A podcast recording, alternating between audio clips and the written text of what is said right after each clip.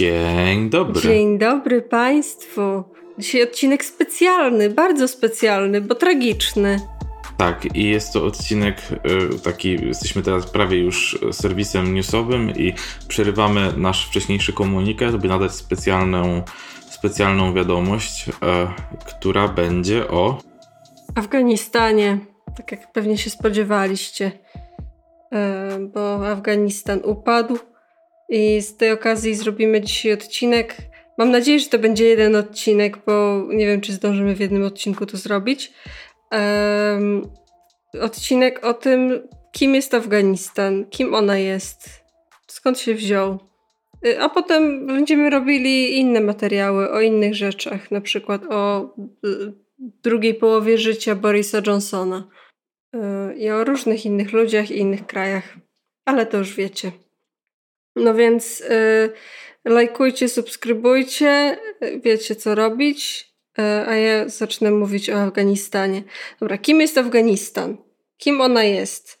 Otóż Af słowo Afgan w ogóle pochodzi nie, nie wiadomo do końca z jakiego języka, ale generalnie słowo Afgan, Afgan to znaczy pasztun.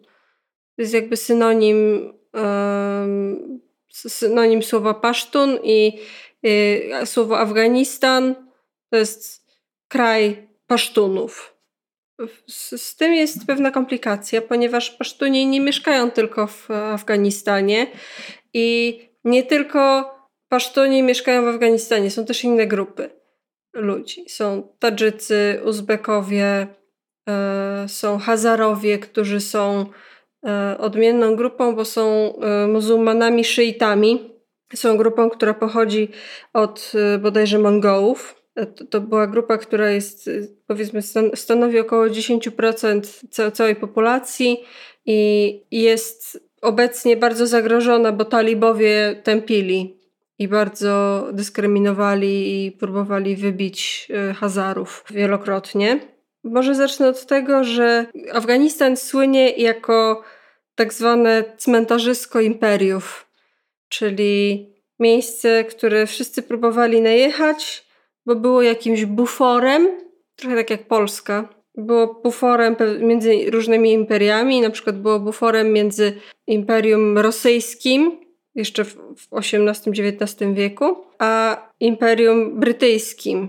W związku z czym jeszcze zanim w ogóle przejdziemy do naszej historii głównej, o, o, o dwudziestowiecznej historii Afganistanu, to muszę Wam powiedzieć, że były aż trzy wojny anglo-afgańskie, w których za pierwszym, za drugim i za trzecim razem w dupę dostali Anglicy.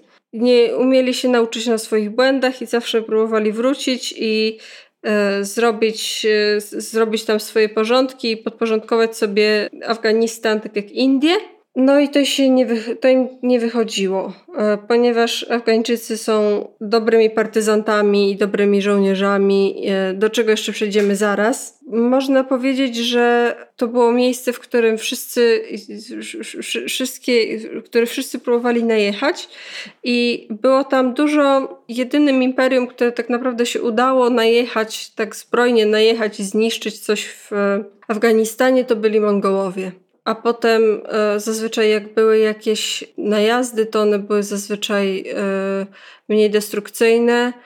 Między innymi tutaj możecie się odwołać do naszej serii indyjskiej, bo często właśnie władcy Indii e, w historii najeżdżali albo próbowali najechać również na Afganistan, na te, na te tereny z różnymi skutkami. W każdym razie tą historię możemy w sumie zacząć po trzeciej wojnie anglo-afgańskiej, kiedy to ostatecznie Afgańczycy wysiudali e, Anglików ze swojego terytorium i król ogłosił, e, ponieważ e, przez cały ten czas Afganistan był królestwem, w 1919 roku king, król, king chciałam powiedzieć, King Amanullah ogłosił niepodległość od y, Wielkiej Brytanii i to jest taka symboliczna data, bo niby nie byli nigdy podlegli Wielkiej Brytanii, ale to był taki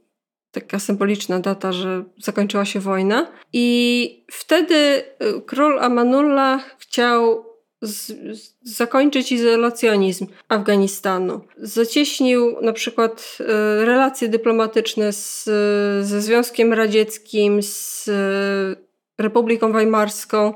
Między innymi on był bardzo, bardzo powiedzmy na dzisiejsze czasy byśmy powiedzieli, że był pro, progresywny, bo zakazał niewolnictwa między innymi E, jego żona, królowa e, Soraya, była e, ważną taki, taką ikoną praw kobiet. Między innymi za jego czasów zabroniono, zabroniono noszenia burek po raz pierwszy, bo to trochę historia Afganistanu to jest historia tych, którzy zabraniali noszenia burek versus tych, którzy nakazywali noszenie burek. To mi śmiesznie, nie? Bo jakby mam wrażenie, że bardzo często tego typu zmiany się postrzega na zasadzie regresu takiego, no, znaczy jakby na zasadzie, że albo możesz iść w tą stronę, że jest coraz gorzej, albo właściwie może nawet, że zostaje ten stary, zły sposób, jak, że na przykład kobietom kazano nosić burki, albo że jest progres i się przestaje nosić burki, a tam to zawsze tak fluktuowało właśnie, nie? I, i, i teoretycznie e, jakby ciężko nas wskazać tutaj taką linię tak, postępu w, trochę, tym, w tej kwestii. Trochę mi przypomina ta historia, historię Iranu, gdzie też było, mm. był szach, za, za, szacha niby można było chodzić w zachodnich ubraniach, ale po pierwsze tak samo ty, tylko głównie w, w stolicy, bo te wszystkie zdjęcia, które się teraz widzi kobiet chodzących w miniówkach po Kabulu, no to to, to jest Kabul, tak? Nie, Wiadomo, że zazwyczaj w większości przypadków, jak mówimy o władzy nad Afganistanem, to zazwyczaj ona się ograniczała do stolicy i tego, co się działo w stolicy, i to, to, tego dotyczy też teraz. Jeszcze za, za, za rządów Ganiego, zanim uciekł, e, było wiadomo, że on kontroluje tak naprawdę tylko Kabul, a reszta była. E, no powiedzmy, że wolna i to jest ciekawe, jak bardzo to jest zdecentralizowany kraj i jak bardzo jest, jak bardzo, jak wolno na przykład przedostają się informacje. Są takie legendy miejskie o amerykańskich żołnierzach, którzy tam wbili tam w, w 2000 którymś roku i, i, ludzie myśleli w niektórych bardziej wiejskich prowincjach, że to są Sowieci.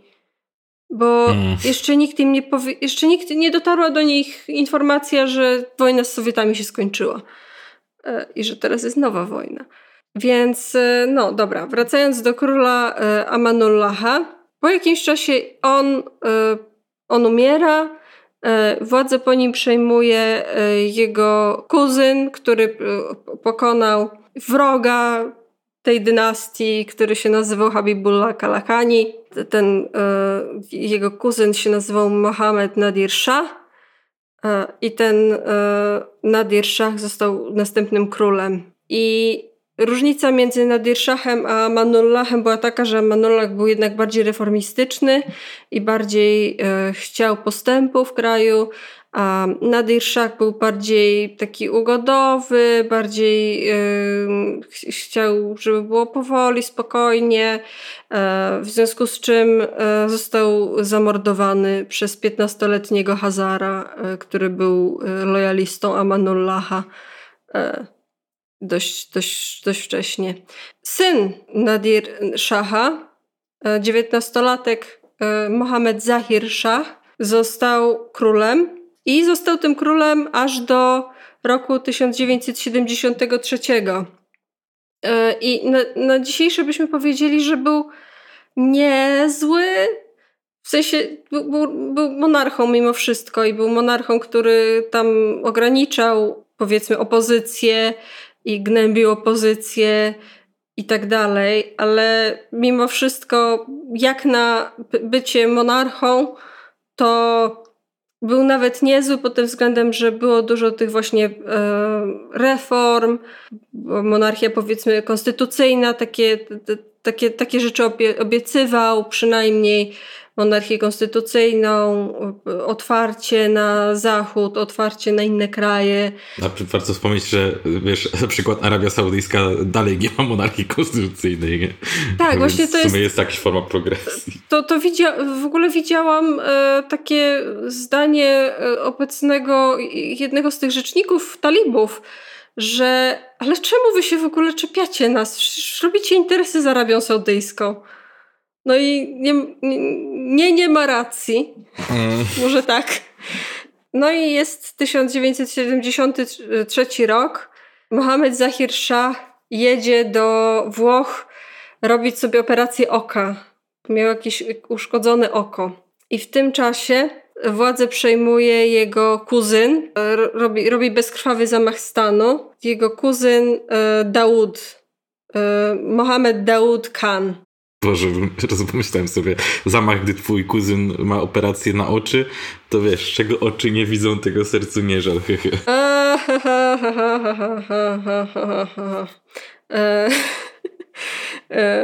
Więc Daud Khan przejął władzę, zakończył monarchię w całości, ogłosił się prezydentem oraz premierem. Został, w ogóle musicie wiedzieć, że ten Daud Khan był pasztońskim nacjonalistą. E, I to jest ważne, e, ponieważ e, w ogóle ten pasztoński nacjonalizm jest solą w oku Pakistanu. Pakistan ma taki, ma jeden region, który, w którym mieszkają Pasztuni. Ten region, oni się obawiali od samego początku istnienia Pakistanu, że zostanie oderwany i przyłączony do Afganistanu.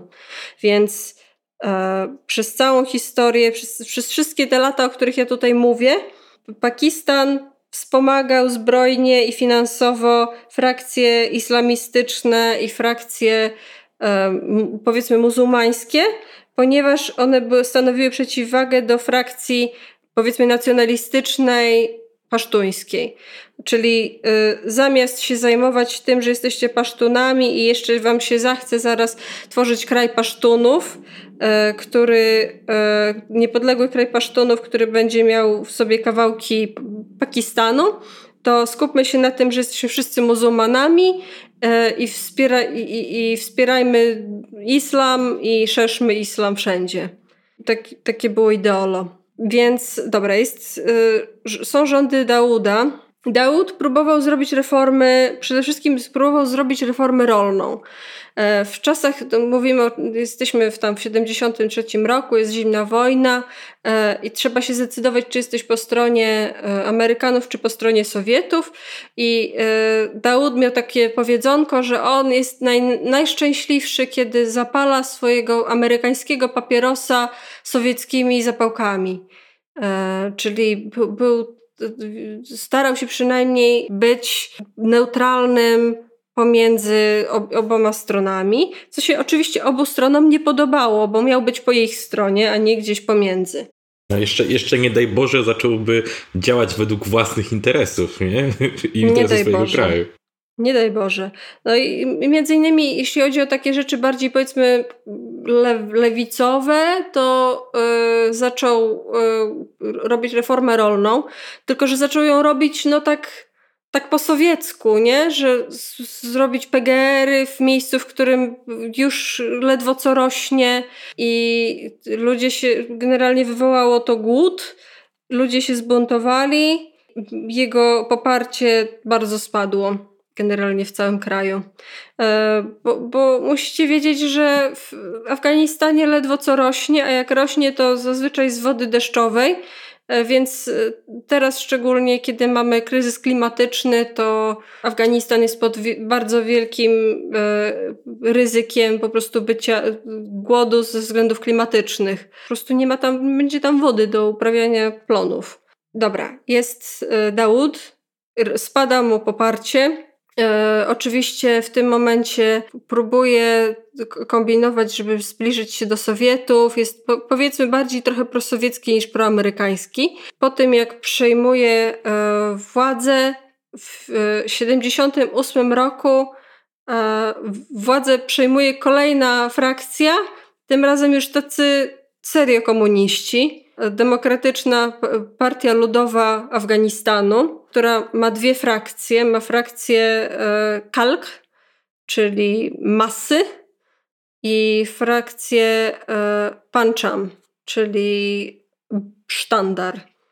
Są te dwie frakcje. Ja nie byłam w stanie objąć umysłem, jakie są różnice między tymi frakcjami. Generalnie y, frakcje są takie jak że po prostu kto się nie lubił, ten, ten był w drugiej frakcji. I te frakcje będą miały znaczenie, bo yy, zaraz, zaraz będą miały znaczenie. No i ci faceci z yy, frakcji Kalk zrobili zamach stanu w 78 roku. To się, to przeszło do historii jako rewolucja Saur. Zabito Dauda, zabito całą jego rodzinę, yy, przyjęto władzę i zaprowadzono tak zwaną Demokratyczną Republikę Afganistanu a szefem jej został szef e, partii e, Kalk, czyli Nur Muhammad Taraki. Wtedy się zaczyna tak naprawdę konflikt pomiędzy rządem, czyli tym rządem komunistycznym, a tak zwanymi mujahedinami. E, kim są mujahedini? Możesz zapytać. Mogę. Słuchaczu, możesz zapytać. Mujahedini to są rebelianci to są bojownicy, którzy działali w partyzantce przeciwko rządowi. I w zasadzie to jest wszystko, co mieli wspólnego ze sobą, bo oni, e, Mujahedini to nie jest jedna frakcja jakby polityczna, to nie jest, łączyło ich to, że walczyli z tym rządem. A oprócz tego byli tak, byli faceci, którzy, no takie kanalie typowo salafickie, tali, dzisiaj byśmy powiedzieli, że talibowie, ale to wtedy jeszcze nie byli talibowie. E, w rodzaju facet, który był szefem jednej z tych frakcji mujahedinów, był E, słynął tym, że robił na swoim uniwersytecie akcję rzucania kwasem w twarz studentkom. Brzmi jak sympatyczny koleżka. To, to tak. E, więc był, z jednej strony był taki facet, a z drugiej strony był na przykład Ahmad, Ahmad Shah Massoud, e, który jest takim symbolem do dzisiaj, takim symbolem e, liberalnego, oświeconego islamu który był po prostu, y, walczył z tym rządem na zasadzie zostawcie nas w spokoju, a nie na zasadzie wara komuniści, komuchy, czer czerwoni na, na, drzewach zamiast liści, coś tam, coś tam. E, Masud w ogóle został taką ikoną oświeconego, nowoczesnego Afganistanu. Był jednym z e, przywódców e, mujahedinów w, w, w Dolinie Panjshir. E, Dolina Panjshir to jest coś, co się do, dzisiaj przewija. To jest taka, taki jedyny region, który się zawsze broni. E, Sowieci go nie, e, nie pokonali, nie podbili, talibowie go nie podbili i dzisiaj też w 2021 roku, jak mówimy, jest, jest sierpień, może, się, może, może Panjshir upadnie, ale na stan dzisiejszy jeszcze Panjshir się broni. Panjshir to jest w ogóle, to znaczy, to znaczy pięć lwów, to jest Dolina Pięciu Lwów i e, Ahmad Shah Masud, czyli, czyli ten facet, o którym mówię, e, z, zyskał sobie ksywkę Lew z Panjshiru, bo był taki dzielny i taki szanowany. I generalnie jest taką, taką mega szanowaną osobistością. E, wszędzie, jak się pojedzie do e, Afganistanu, no może nie teraz, ale jeszcze miesiąc temu e, ludzie wieszali portrety Ahmada Shamasuda. Zginął, uwaga, w zamachu 9 września 2001 roku. To jest data nieprzypadkowa i mówi się, że to właśnie dlatego zginął, że stanąłby y, Osamie Bin Ladenowi na drodze ku zamachowi z 11 września że byłby tego, temu przeciwny i dlatego musiał zginąć i został zabity na, na rozkaz Osamy Bin Ladena. E, ale no mówi się, że gdyby przeżył, gdyby go nie zabito wtedy, to prawdopodobnie zostałby jakimś przywódcą czy, czy, czy, czy prezydentem Afganistanu za, za Amerykanów. Bo to był taki super, super szanowany koleś nawet za granicą.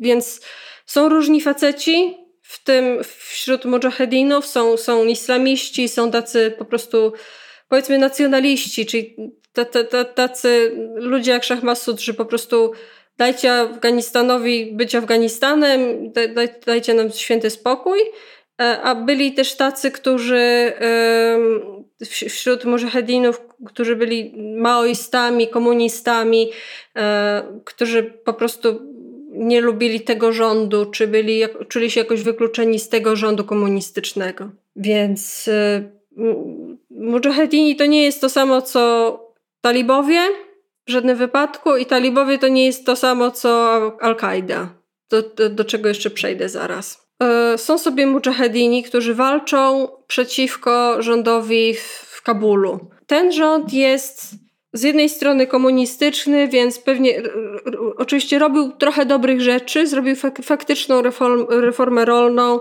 faktycznie zwiększył e, alfabetyzm, e, zwiększył dostęp do edukacji, zrobił jakąś tam infrastrukturę, która była potrzebna w kraju i no, robił te, te dobre rzeczy, które robili komuniści, nie?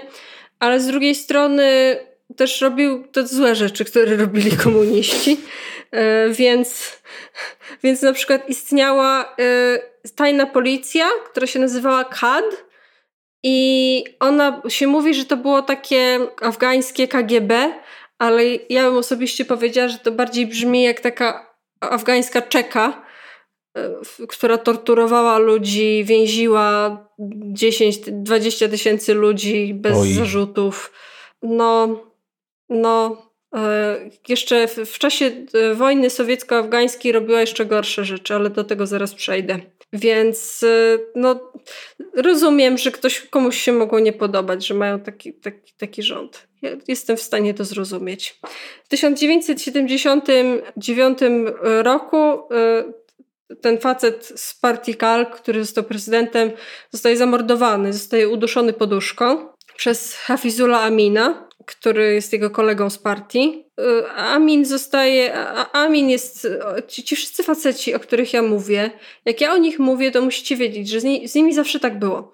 Y, z, zaczynają się jako bojownicy, czy tam jacyś działacze, partyzanci, w miarę trzeźwi, młodzi chłopacy, dostają się do jakiejkolwiek władzy i natychmiast zaczynają ćpać opium, pić dużo alkoholu i wariować. Dosłownie y, tracić kontakt z rzeczywistością. Więc Taraki zdążył do tego czasu już stracić kontakt z rzeczywistością, y, oskarżać wszystkich o próbę zamachu, y, ści ścinać głowy, coś tam jeszcze. E, więc jak Hafizula, Hafizula przejął władzę i też zwariował, e, w związku z czym Sowieci na to popatrzyli, sobie pomyśleli, że to mm, tak nie może być, żeby sobie Hafizullah Amin był, Amin był, e, był prezydentem e, na, na podstawie tego, że udusił poduszką swojego poprzednika. Nie no czemu? Brzmi jak całkiem sensowny proces demokratyczny.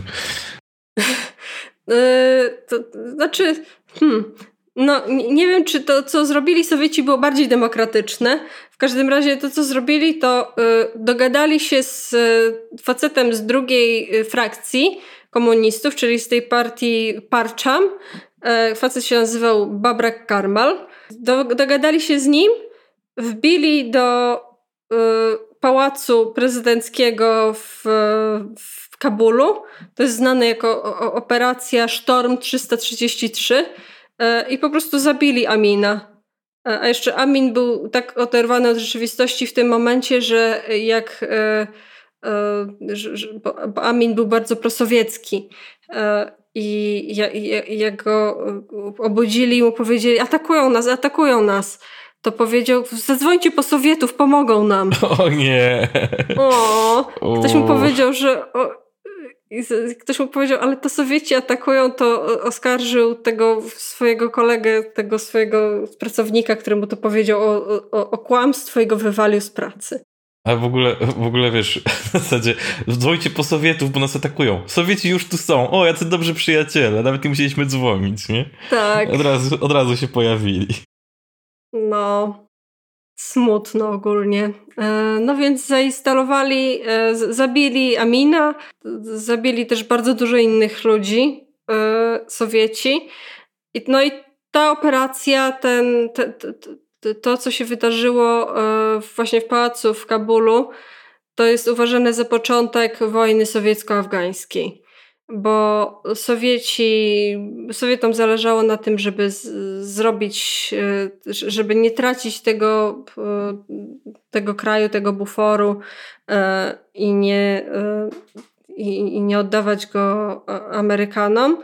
I jednocześnie widzieli, co się dzieje, widzieli, że jest coraz więcej, coraz więcej oporu wobec tego rządu komunistycznego, więc chcieli go po prostu wzmocnić i chcieli, e, no chcieli, żeby wygrał.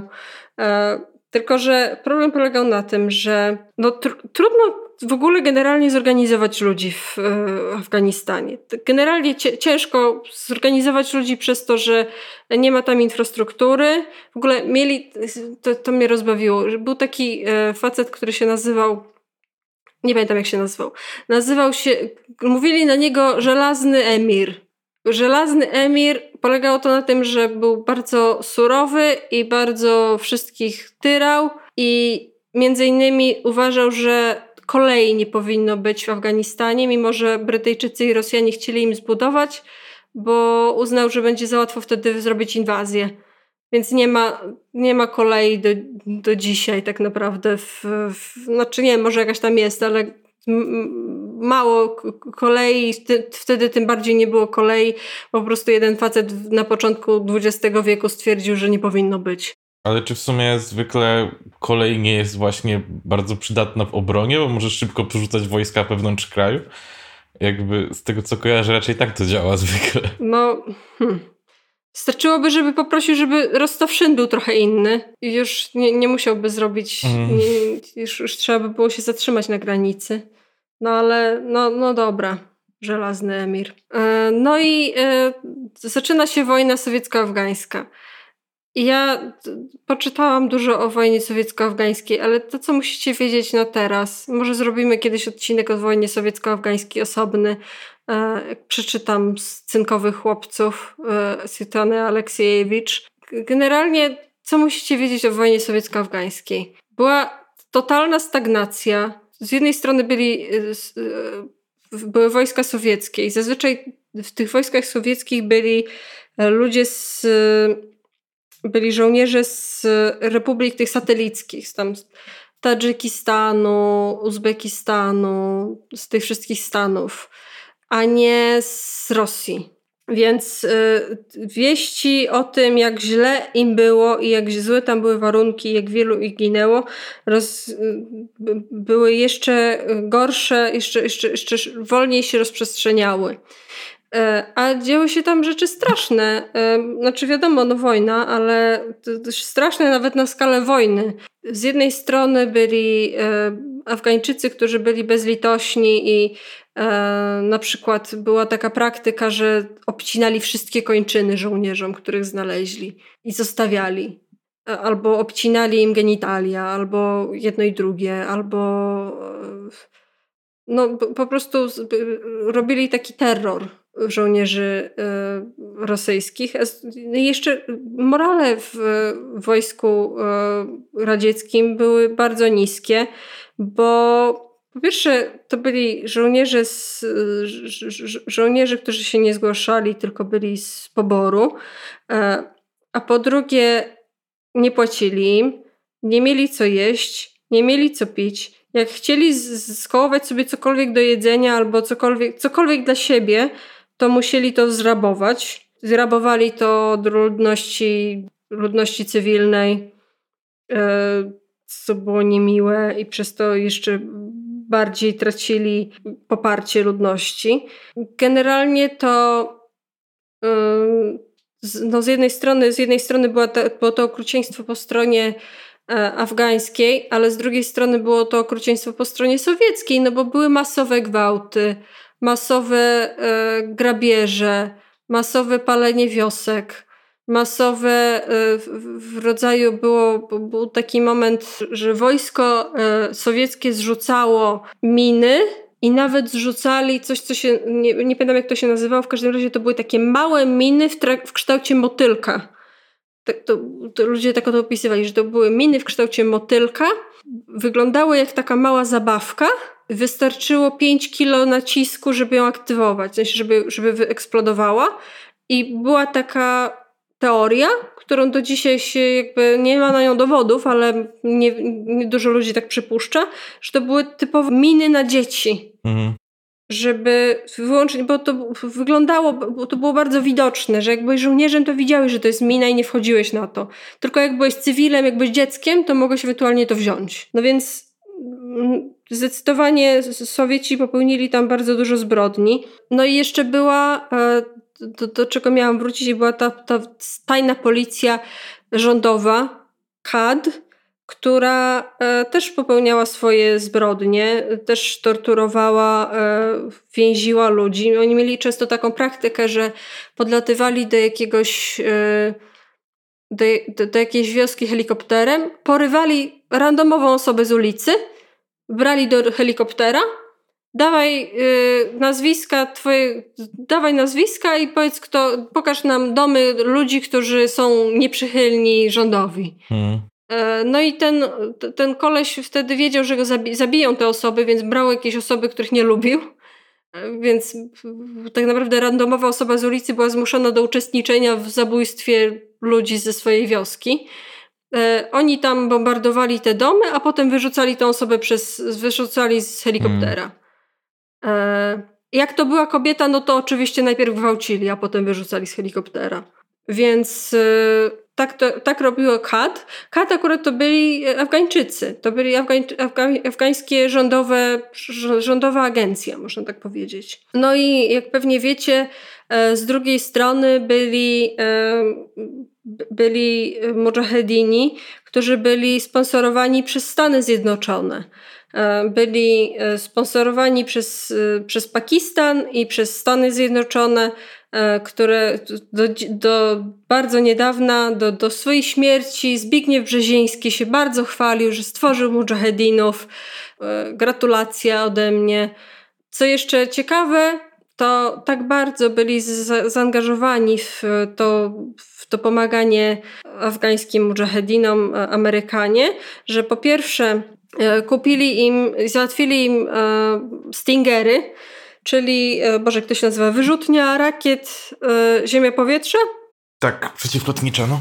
Przeciwlotnicza, taka, że, że aktywujesz ją z, z tak bazukę z, z parku. Tak, ale że właśnie jest to chyba tak wyglądało. bardzo skuteczne przeciwko konkretnie helikopterom i tak dalej. Tak, no więc y, to im zafundowali, zafundowali im trening, jak używać tych Stingerów, a Stingery były po prostu, to, to była dobra broń, która działała dobrze w przeciwieństwie do, do, do, do, tego, co wcześniej używali i tego, co mieli Sowieci. I e, oprócz tego, to co zrobili e, Amerykanie, to w Teksasie wydrukowali dziesiątki tysięcy podręczników dla medras, czyli tych e, islamskich szkół religijnych, które były maksymalnie politycznie na, nacechowane, tak żeby maksymalnie radykalizować dzieci do dżihadu. Oho. Y, więc na przykład miałeś elementarz i w tym elementarzu było B jak broń. Mój wujek Mohamed ma broń i czyni nią dżihad. Takie, takie zdania w ele elementarzu. Więc... Czyli zrobili, y, ogólnie Amerykanie w Teksasie produkowali podręczniki do islamskiej radykalizacji. Tak. I dokładnie w takiej medrasie, gdzie uczono z, u, uczono z takich podręczników, się wykluł pan Muhammad Omar, który w 1994 roku założył talibów. Więc podwójnie gratulacja, panie Zbigniewie. Gratulacja ode mnie dla pana. Mam nadzieję, że jest pan z siebie zadowolony. E, dosłownie e, Amerykanie zradykalizowali talibów, e, więc pozdrawiamy. No, więc no, przez, ca przez całą wojnę, wojna trwała 9 lat w sumie. Mniej więcej od połowy Sowieci już tylko kombinowali, jak się wycofać z twarzą. W końcu w 1989 roku bodajże wycofali się całkowicie i zostawili wojsko afgańskie, żeby sobie radziło z mujahedinami. Radziło sobie przez trzy lata.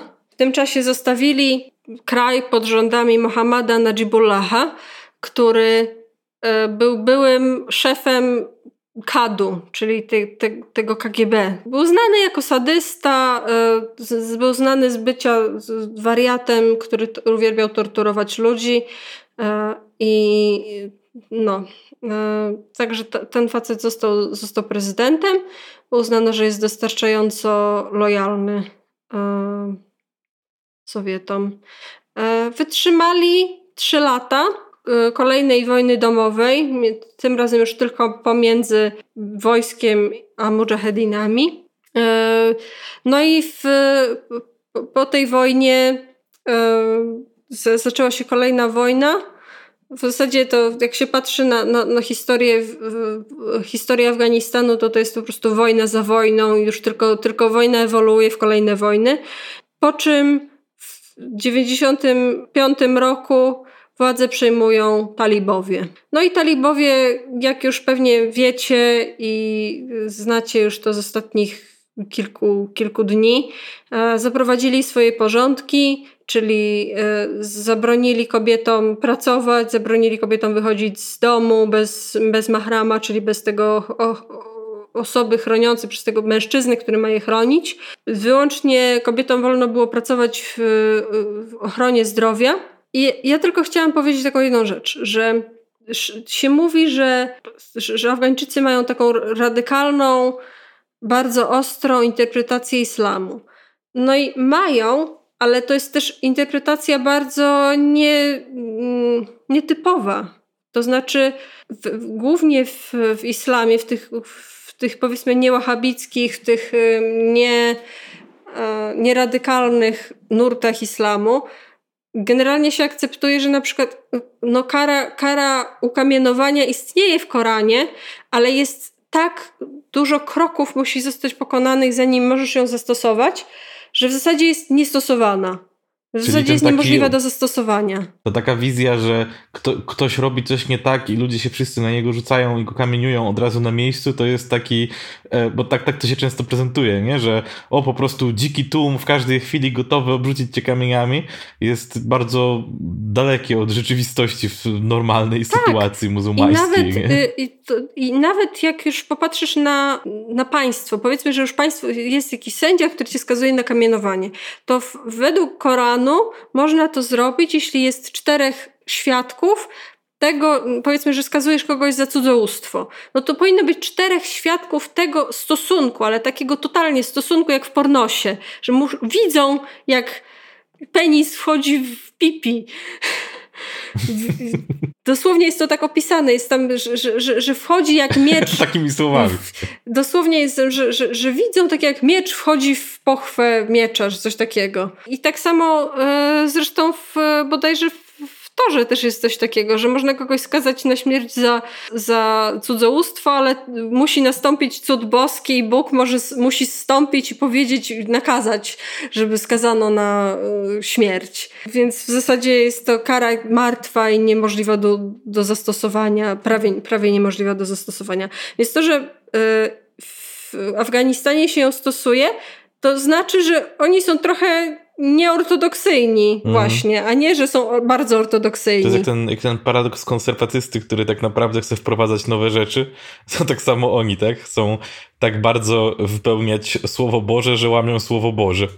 Bardziej papiescy no. od papieża, dokładnie tak. Jest, y, ale, ale z drugiej strony jedna rzecz, która mnie zaciekawiła, którą, którą czytałam w tym tygodniu, co nie był, był ten, ten wiralowy tweet tego kolesia, co napisał, że teraz będą lepsze warunki do robienia interesów w, w Afganistanie niż w Unii Europejskiej, bo w Unii Europejskiej jest państwo, a w Afganistanie nie będzie państwa. No, no. To to po pierwsze to jest durne z tych powodów, które znamy i kochamy, ale to jest też durne z tego powodu, że dosłownie jedynym selling pointem, dosłownie jedynym powodem, do którego ktokolwiek szanuje, czy tam chce talibów, jest to, że oni właśnie chcą zaprowadzić państwowy porządek. Dosłownie taki, za pierwszym razem, kiedy, kiedy rządzili w 96 roku, od 96 do 2001 roku, e, to dosłownie jedyne, co ludziom się podobało, to jest to, że na zasadzie z, zrobimy faktyczną policję, która będzie sprawiała, że będzie bezpiecznie i że nie będzie rabunków na drogach na przykład. Albo zrobimy, żeby były faktyczne sądy, które sądzą wszystkich porówno i nie są przekupne. Mm. Taki jest plus talibów, jeśli ale, można powiedzieć o plusach talibów. Drogą... To jest jedyne, jedyne, co robią dobrze. To jest to, że są nieskorumpowani właśnie i że mają ten aparat państwowy. Ale też właśnie tym bardziej jest to zabawne, że ten typ właśnie wymyślił takie, taką, takie durne uzasadnienie, bo akurat w pewnym sensie jeżeli talibowie rzeczywiście zaprowadzają stabilną władzę, to w pewnym sensie rzeczywiście zwiększyliby atrakcyjność prowadzenia interesów, dlatego że na ogół jak masz te indeksy jakby właśnie atrakcyjności e, takiej biznesowej kraju, to właśnie stabilność i egzekwowanie prawa jest bardzo wysoko, w sensie bardzo mocno wpływa na pozytywny indeks. I to jest tym bardziej absurdalne założenie, że e, raz, że fałszywie założył, że, to, że ich rządy oznaczają anarchię, a dwa, fałszywie założył, że anarchia oznacza atrakcyjność do robienia interesów, bo jest na odwrót w obu tych przypadkach. Tak.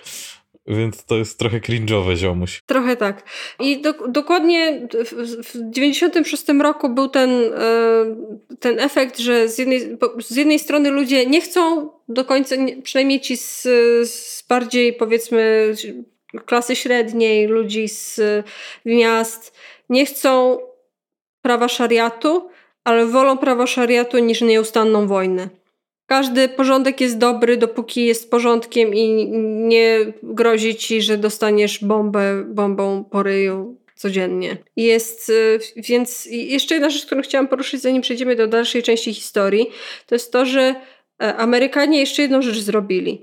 I to jest, że wspierali imigrację z, z to, to, byli Amerykanie i, i Pakistańczycy, e, wspierali imigrację Arabów z, z na przykład Arabii Saudyjskiej, z Zjednoczonych Emiratów Arabskich do Afganistanu w celach religijnych.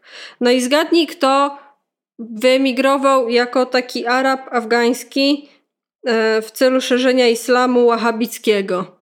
No kto? No, pan Osama. Tak, tak coś czułem. No, pan, pan Osama przyjechał i właśnie no, i to, to, chciałam zahaczyć, żeby właśnie powiedzieć, że tym się różni, tym się różnią talibowie od e, Al-Kaidy, że talibowie paradoksalnie są bardziej liberalni. Więc e, Al-Kaida stworzyła trochę, walczyli razem, walczyli po jednej stronie, ale stworzyli osobną, osobną grupę, e, która była właśnie dla Wahabitów, z krajów, z, po prostu obcokrajowców, z, którzy, dla których ta, ten afgański porządek był zbyt liberalny. I generalnie to, to były osobne frakcje, obcokrajowcy versus Afgańczycy, bo oni się po prostu nie lubili. I e, nie, uważali, ci, ci uważali, że są jacyś obcokrajowcy, którzy kombinują w naszym kraju, a tam ci uważali, bo, bo oni są za zbyt liberalni i, e, i uważają, że e, powinna być taka wizja islamu jak w, w Arabii Saudyjskiej. Więc e, stąd się wzięła Al-Kaida, stąd się wzięli talibowie. Okej, okay, jest, jest 2001 rok, są ataki z 11 września. Amerykanie chcą coś zrobić. Co konkretnie to dzisiaj się trochę zastanawiają, co konkretnie chcieli osiągnąć. Bo już w październiku 2001 roku, na samym początku inwazji, Afgańczycy ogłosili, że chętnie oddadzą, oddadzą e, Osamę Bin Ladena w, w zamian za to, żeby. Nie, przepraszam, to Pakistańczycy e, e, ogłosili, że Pakistańczycy oddadzą Osamy Bin Ladena w zamian za to, że Amerykanie zaprzestaną, zaprzestaną inwazji. Amerykanie się to nie zgodzili, więc w tym momencie trzeba sobie zadać pytanie, o co im właściwie chodziło, jeśli nie o to, żeby oddać Osamę Bin Ladena. E, no i krótko mówiąc, im szybko zaczęło chodzić o to, żeby zbudować tam, zrobić tam nation building, czyli zrobić, zrobić tam państwo i zrobić tam struktury państwowe, których ich zdaniem po, potrzebowali e, Afgańczycy. To co, to, co jest w sumie ciekawe dla mnie, to jest to, że jakby ja rozumiem, dlaczego Afgańczycy nie, nie, nie czuli się z tym dobrze. Z jednej strony wiadomo, że Afgań, część Afgańczyków się cieszyła, części to nie obchodziło, mm, ale trzeba zauważyć, że we wszystkich, na wszystkich etapach tego budowania państwa, inwestowania i w infrastrukturę, inwestowania w, w, we wszystko e, Amerykanów, było strasznie dużo korupcji. To był przerażająco skorumpowany rząd i, i, i wszyscy urzędnicy kradli na potęgę. I dlatego teraz jest taki, takie poczucie zawodu, że wpompowano tyle miliardów dolarów, a wszystko to zostało w rękach po prostu kontraktorów e, oficjalnych, tam tych, co powygrywali przetargi albo nawet nie powygrywali, tylko kupili sobie te przetargi, a populacja jest tak samo biedna jak była, a wszystkie inwestycje tak naprawdę zostały w miastach, zostały w dużych miastach. No i na przykład no, to, co zostanie z to, co zostanie z, z, z tej, z tej w, z całej inwazji w Kabulu, to jest to, że jest tam KFC. Wielki sukces! No, więc wo wojna była kontynuowana i woj wojnie chodziło w zasadzie o to, żeby budować, niby budować ten kraj. E, jeszcze w, zainstalowano, e, zainstalowano administrację Hamida Karzaja, która miała być proamerykańska. I w całej, jakby teraz jak analitycy mówią o tej inwazji, to wychodzi, że e, w, są, były dwa cele. Z jednej strony ten nominalny cel, żeby nie było terroryzmu, żeby tam były struktury państwowe, bo wiadomo, że no i to już jest fakt, fakt że jak są, jak jest korupcja, to ona rodzi w sobie terroryzm. E, że jest, jest ten system wertykalnie zintegrowany, że masz e, komórki przestępcze, komórki terrorystyczne i tam e, skorumpowanych policjantów i skorumpowanych urzędników, którzy działają w konszachcie. Więc niby to miało jakiś sens, że wyeliminowanie korupcji mogłoby sprawić, że terroryzmu będzie mniej, tylko że no, nie, wy, nie wyeliminowali korupcji, e, nawet trochę, a wręcz trochę dolali oliwy do ognia. Jest, e, no i w, co jeszcze ciekawe, ja słuchałam w tym tygodniu, e, to jest coś, co mnie zaciekawiło. Słuchałam dwóch podcastów, słuchałam dwóch wypowiedzi dwóch, dwóch weteranów, słuchałam raportu o stanie świata, w którym się wypowiadał polski weteran i mów, był w szoku. Jak to się stało, że afgańska armia się nie broniła, że nie stawiała oporu przeciwko talibom? On nie rozumiał dlaczego. E, a potem słuchałam Hell of a Way to Die, gdzie amerykańscy weterani wojny w Afganistanie się wypowiadali i oni wiedzieli dlaczego. Mm, no i mieli parę, parę dość ciekawych spostrzeżeń. Między innymi to, że armia afgańska była budowana w taki dość dziwny sposób. I tak samo afgańska policja była budowana w dość dziwny sposób.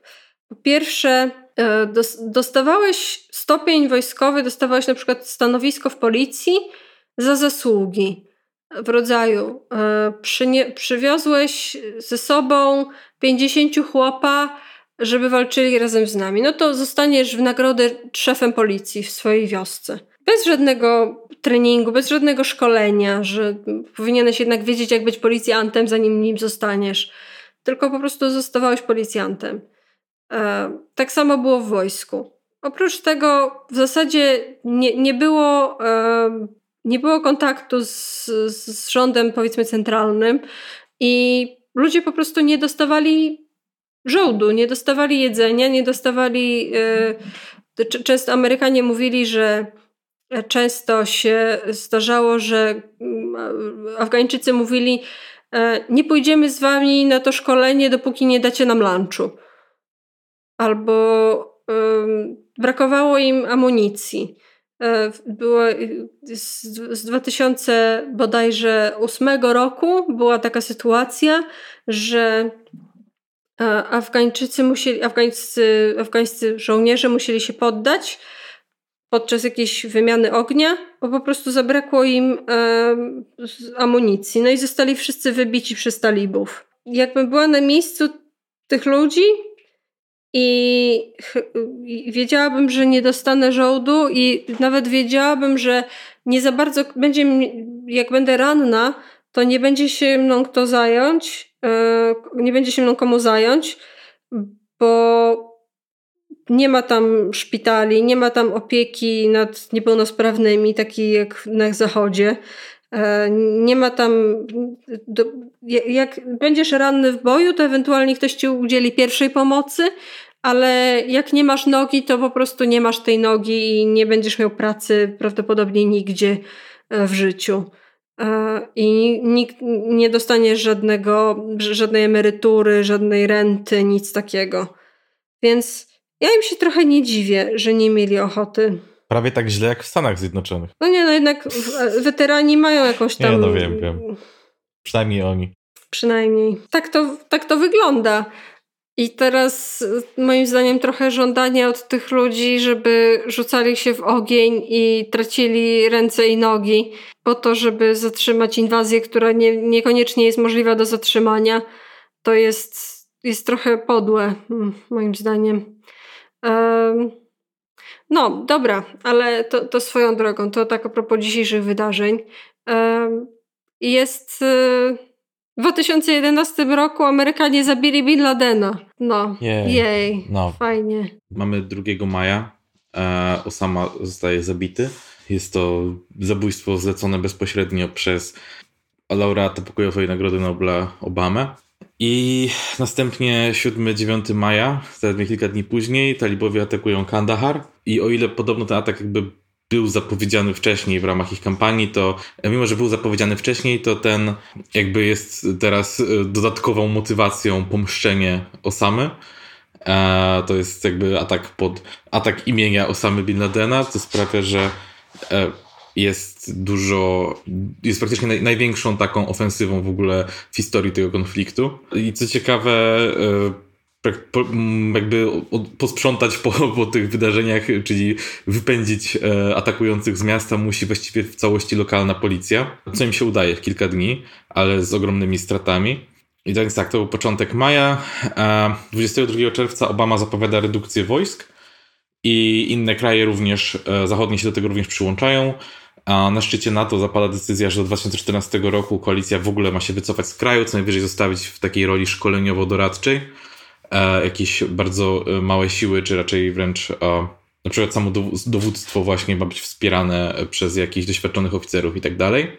No i to był czerwiec. W następnym miesiącu mamy sytuację, w której afgański żołnierz zabija trzech żołnierzy australijskich. Afgański żołnierz ten antytalibski, który teoretycznie był w sojuszu z Amerykanami, mm. tak? I Australijczykami i w ogóle z NATO. W strzelaninie ginie 11 osób. I i to jest jakby jest taki trochę jakiś punkt, w którym e, przegina się pała goryczy, bo e, zaczyna się coraz więcej takich ataków, w których e, właśnie siły teoretycznie sojusznicze zaczynają atakować amerykańskich żołnierzy, przy czym to nie są jakby takie jakieś kampanie ataków, tylko po prostu zwykle e, pojedynczy strzelcy albo Jeden mała grupa... Koleś. Tak, albo jeden wkurzony koleś, albo kilku wkurzonych kolesi, którzy nagle chwytają za broń i zaczynają strzelać do Amerykanów. Um, zresztą potem e, w przestrzeni najbliższych następnych dwóch lat pojawia się coraz więcej raportów, że część z tych ataków to były takie false flag operations, że operacje, e, które były albo w całości ustawione, albo motywowane e, przez, przez wpływ talibów, ale i nawet tam w pewnym momencie jest taka teoria, że no, że to wszystko przez to, ale sam Pentagon potem szacuje, że maksymalnie 30% tych sytuacji to były rzeczywiście sytuacje zmotywowane przez talibów, ale tak naprawdę znaczna większość to naprawdę były po prostu e, sytuacje, w których ktoś e, po prostu miał dość, których ci ludzie byli raz, że byli sfrustrowani, dwa też tam było mnóstwo osobistej krzywdy, tak? Tam ginęła absurdalna liczba cywilów, ci e, ci, ci cywile, którzy byli z, z, zabijani, potem mieli swoich krewnych i znajomych w armii i to się potem po prostu przelewało w taki sposób. W, listop w listopadzie 2011 roku e, żeby jeszcze bardziej zjebać sytuację, bo Pakistan ogólnie mm, udzielał takiego strategicznego wsparcia e, siłą, siłą koalicji, na przykład pozwalał e, jakby przeprowadzać e, taki, jak to się nazywa, no zaopatrzenie można było transportować przez granicę właśnie z Pakistanem, a tam taki jeden z głównych szlaków zaopatrzenia przy, był przeprowadzony i w Pakistanie też mieli Amerykanie bazę lotniczą. Już 6 listopada 2011 roku śmigłowce NATO sobie lecą i mają przeprowadzić atak na pakistańskich talibów, ale coś wychodzi nie tak i zamiast tego strzeliwują pozycję pakistańskiej armii, e, zabijając 24 żołnierzy i raniąc dużo więcej. Pakistańskiej armii, która jakby cały czas ich wspierała, więc e, to się nie kończy dobrze. Pakistan uważa to za akt agresji, ale jednocześnie na szczęście nie na tyle, by otworzyć w odpowiedzi taki pełen konflikt, ale odcinają ten transport zaopatrzenia praktycznie natychmiastowo, dają jakiś krótki deadline, w którym USA ma w ogóle spierdalać z tej bazy lotniczej, oni po prostu nie chcą ich mieć u siebie i e, tam wtedy oczywiście rozpoczyna się cała kampania ubolewania i współczucia rodzinom ofiar, ale no niesmak pozostaje, nie? Więc to jeszcze bardziej e, jakby pokazuje y, lo lokalsom, że możesz być nawet najlepszym kolegą Amerykanów, a oni i tak mogą po prostu któregoś dnia ci zbombardować twoją bazę i to nie jest do końca to, co byś... To jest, nie jest to fajny kolega, nie? Po prostu. I e, jest, to jest e, solidny przypał. Tymczasem w Afganistanie formuje się Narodowy Front Afganistanu e, i ogólnie zaczynają się kształtować takie siły, które dają nadzieję na jakąś taką stabilną i antytalibską władzę. Widać, e, pojawiają się postaci e, z wcześniejszej antytalibskiej opozycji, które są gotowe przyjąć jakąś polityczną inicjatywę, więc to tak zaczyna wyglądać całkiem obiecująco na tym froncie, powiedzmy, politycznym. E, a potem zaczyna się 2012 rok i na przestrzeni pierwszych kilku miesięcy Amerykanie, między innymi, wyciekają nagrania, jak e, amerykańscy żołnierze sikają na zwłoki zabitych wrogów. E, potem kilku amerykańskich żołnierzy w centrum miasta pali Koran. E, wyciekają zdjęcia przy zwłokach zabitych, gdzie oni sobie robią zdjęcia jak przy upolowanej zwierzynie. Sierżant sztabowy Sierżant sztabowy Robert Bales robi, robi klasyczną klasyczny sport narodowy białych mężczyzn z Ameryki, czyli e, idzie do miasta i zabija 16 przypadkowych cywilów. Swoją drogą, pierwotnie ma jakby jest podejrzenie, że dostanie karę śmierci, karę śmierci, bo taki karze by podlegał, ale jako, że e, jakby przyznaje się do winy i e, nazywa swoją akcję aktem tchórzostwa, to się sąd nad nim lituje i dogadują się z nim i dają mu i tak dość surową karę jak na amerykańskie standardy, bo zostaje e, zdegradowany do najniższego możliwego stopnia, po czym wyrzucony z armii e, jakby z e, to się nazywa to dishonorable discharge, nie? że zostaje jakby karnie zwolniony, po czym trafia do więzienia na dożywocie z, bez możliwości zwolnienia warunkowego, zwłaszcza przy jakby dość jednak ostrych nastrojach, które panują wtedy wo wobec Amerykanów, lokalsi są bardzo niezadowoleni, bo no, domagają się po prostu jego śmierci, a on zostaje to dożywocie i jeszcze e, w pewnym momencie pojawia się wątek, że teoretycznie jego dowódca mógłby zawnioskować o możliwość dania mu zwolnienia warunkowego po 25 latach, co w ogóle jest absurdalne. E, I, i dla, dla lokalsów też brzmi niezbyt dobrze, z tego co wiem nie dostał takiej możliwości, więc ma po prostu o, dożywocie, dożywocie. No i to tak ogólnie się trochę kumuluje, nie jest wesoło. E, coraz więcej właśnie się pojawia e, takich e, incydentów, one się nazywają chyba green on blue, czyli że właśnie sojusznik na, na, na, na siłach koalicji dokonuje jakiegoś, czy to właśnie jest morderstwo, czy to strzelanina i tak dalej. I prezydent Afganistanu ogłasza, że w sumie to chętnie przełożą wybory o rok wcześniej, bo tam wcześniej miały być w 2014 roku. Oni mówią, że w sumie można to przyspieszyć i że byłoby fajnie właśnie zrobić to jak najszybciej, no bo plan był taki, że siły właśnie koalicyjne mają stacjonować w kraju do e, trochę po wyborach. A więc oni chcą przyspieszyć wybory, żeby te siły koalicyjne jak najszybciej spierdalały po prostu. I, i w rezultacie podpisują porozumienie, Ameryka będzie wspierać kraj i szkolić żołnierzy, e, ale że mają zespół roli szkoleniowej i dowództwo afgańskie ma przejąć kontrolę nad działaniami stabilizacyjnymi e, no i siły zachodnie się ogólnie deklarują, że do 2014 roku się wycofają, przy czym Francuzi e, po jednej właśnie akcji, gdzie afgański żołnierz zabija czterech żołnierzy e, podczas w bazie wojskowej, Francuzi w 2012 roku w całości się praktycznie wycofują, zostawiają tam tylko personel jakiś e, do obsługi sprzętu, który tam się zobowiązali wcześniej dawać afgańskim żołnierzom. To też jest motywowane zresztą politycznie, bo ten, a więc Hollande podczas swojej kampanii wyborczej mówił, że wycofa żołnierzy do 2012 roku, więc skorzysta z tego, e, z tej sytuacji, żeby spełnić tą obietnicę, no i rzeczywiście ich wycofują, bo biedni żołnierze zostali zabici przez strasznego Afgańczyka. W tym samym roku, w 2012 jest też konferencja w Tokio, gdzie e, się E, właśnie w sprawie, w sprawie Afganistanu, gdzie zapada decyzja, że kraje ogólnie robią ściepę 16 miliardów dolarów i że dadzą Afganistanowi, jeżeli ten przeprowadzi różne antykorupcyjne reformy. I, a samo USA gada z Afganistanem odnośnie tego, co tam ma się dziać po 2014 roku. E, jest parę różnych jakby faz, które tam są przygotowywane. Ostatecznie zapada taka decyzja, że e, ma zostać między 6 a 15 tysięcy żołnierzy. I e, w tym razem prezydent Afganistanu e, mówi, że e, okej, okay, ale że w przypadku ewentualnych zbrodni wojennych żołnierze amerykańscy mają być sądzeni przez Afgańczyków. I tak sobie myślę, że to jest musi, dla mnie dużo mówi o tym, jaka była percepcja na amerykańskie wojsko, jeżeli czuć, że to jest bardzo istotny punkt, żeby mieć prawo do osądzenia i po prostu wiedzieli, że nie tylko takie rzeczy się wydarzą, to jeszcze, że Amerykanie nie ukażą ich dostatecznie surowo, nie?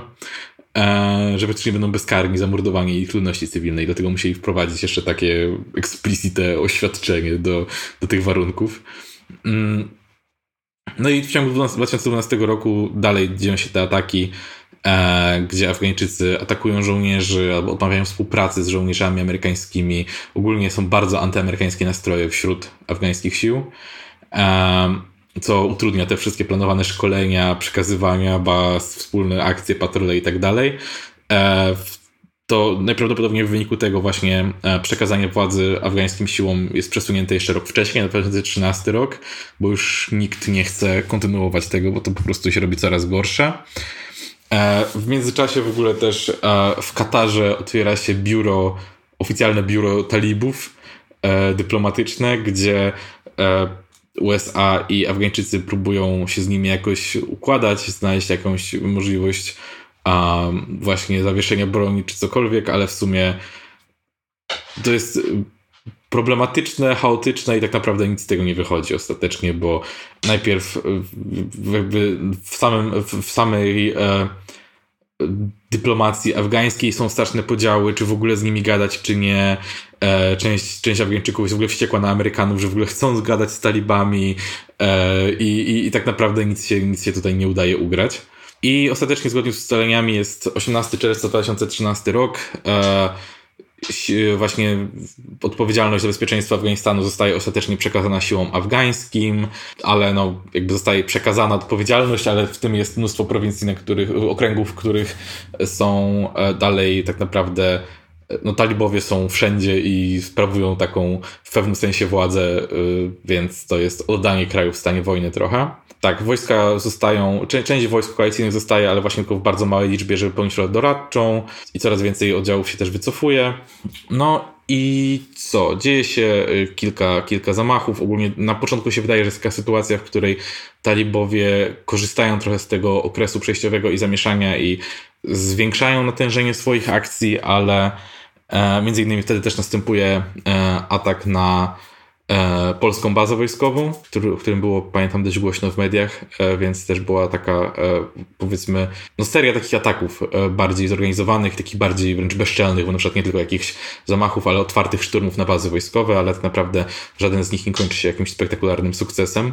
12 października tegoż roku e, sekretarz stanu USA podpisuje e, z prezydentem Afganistanu E, coś, co się nazywa dwustronny pakt bezpieczeństwa, e, gdzie regulują dalszą właśnie współpracę.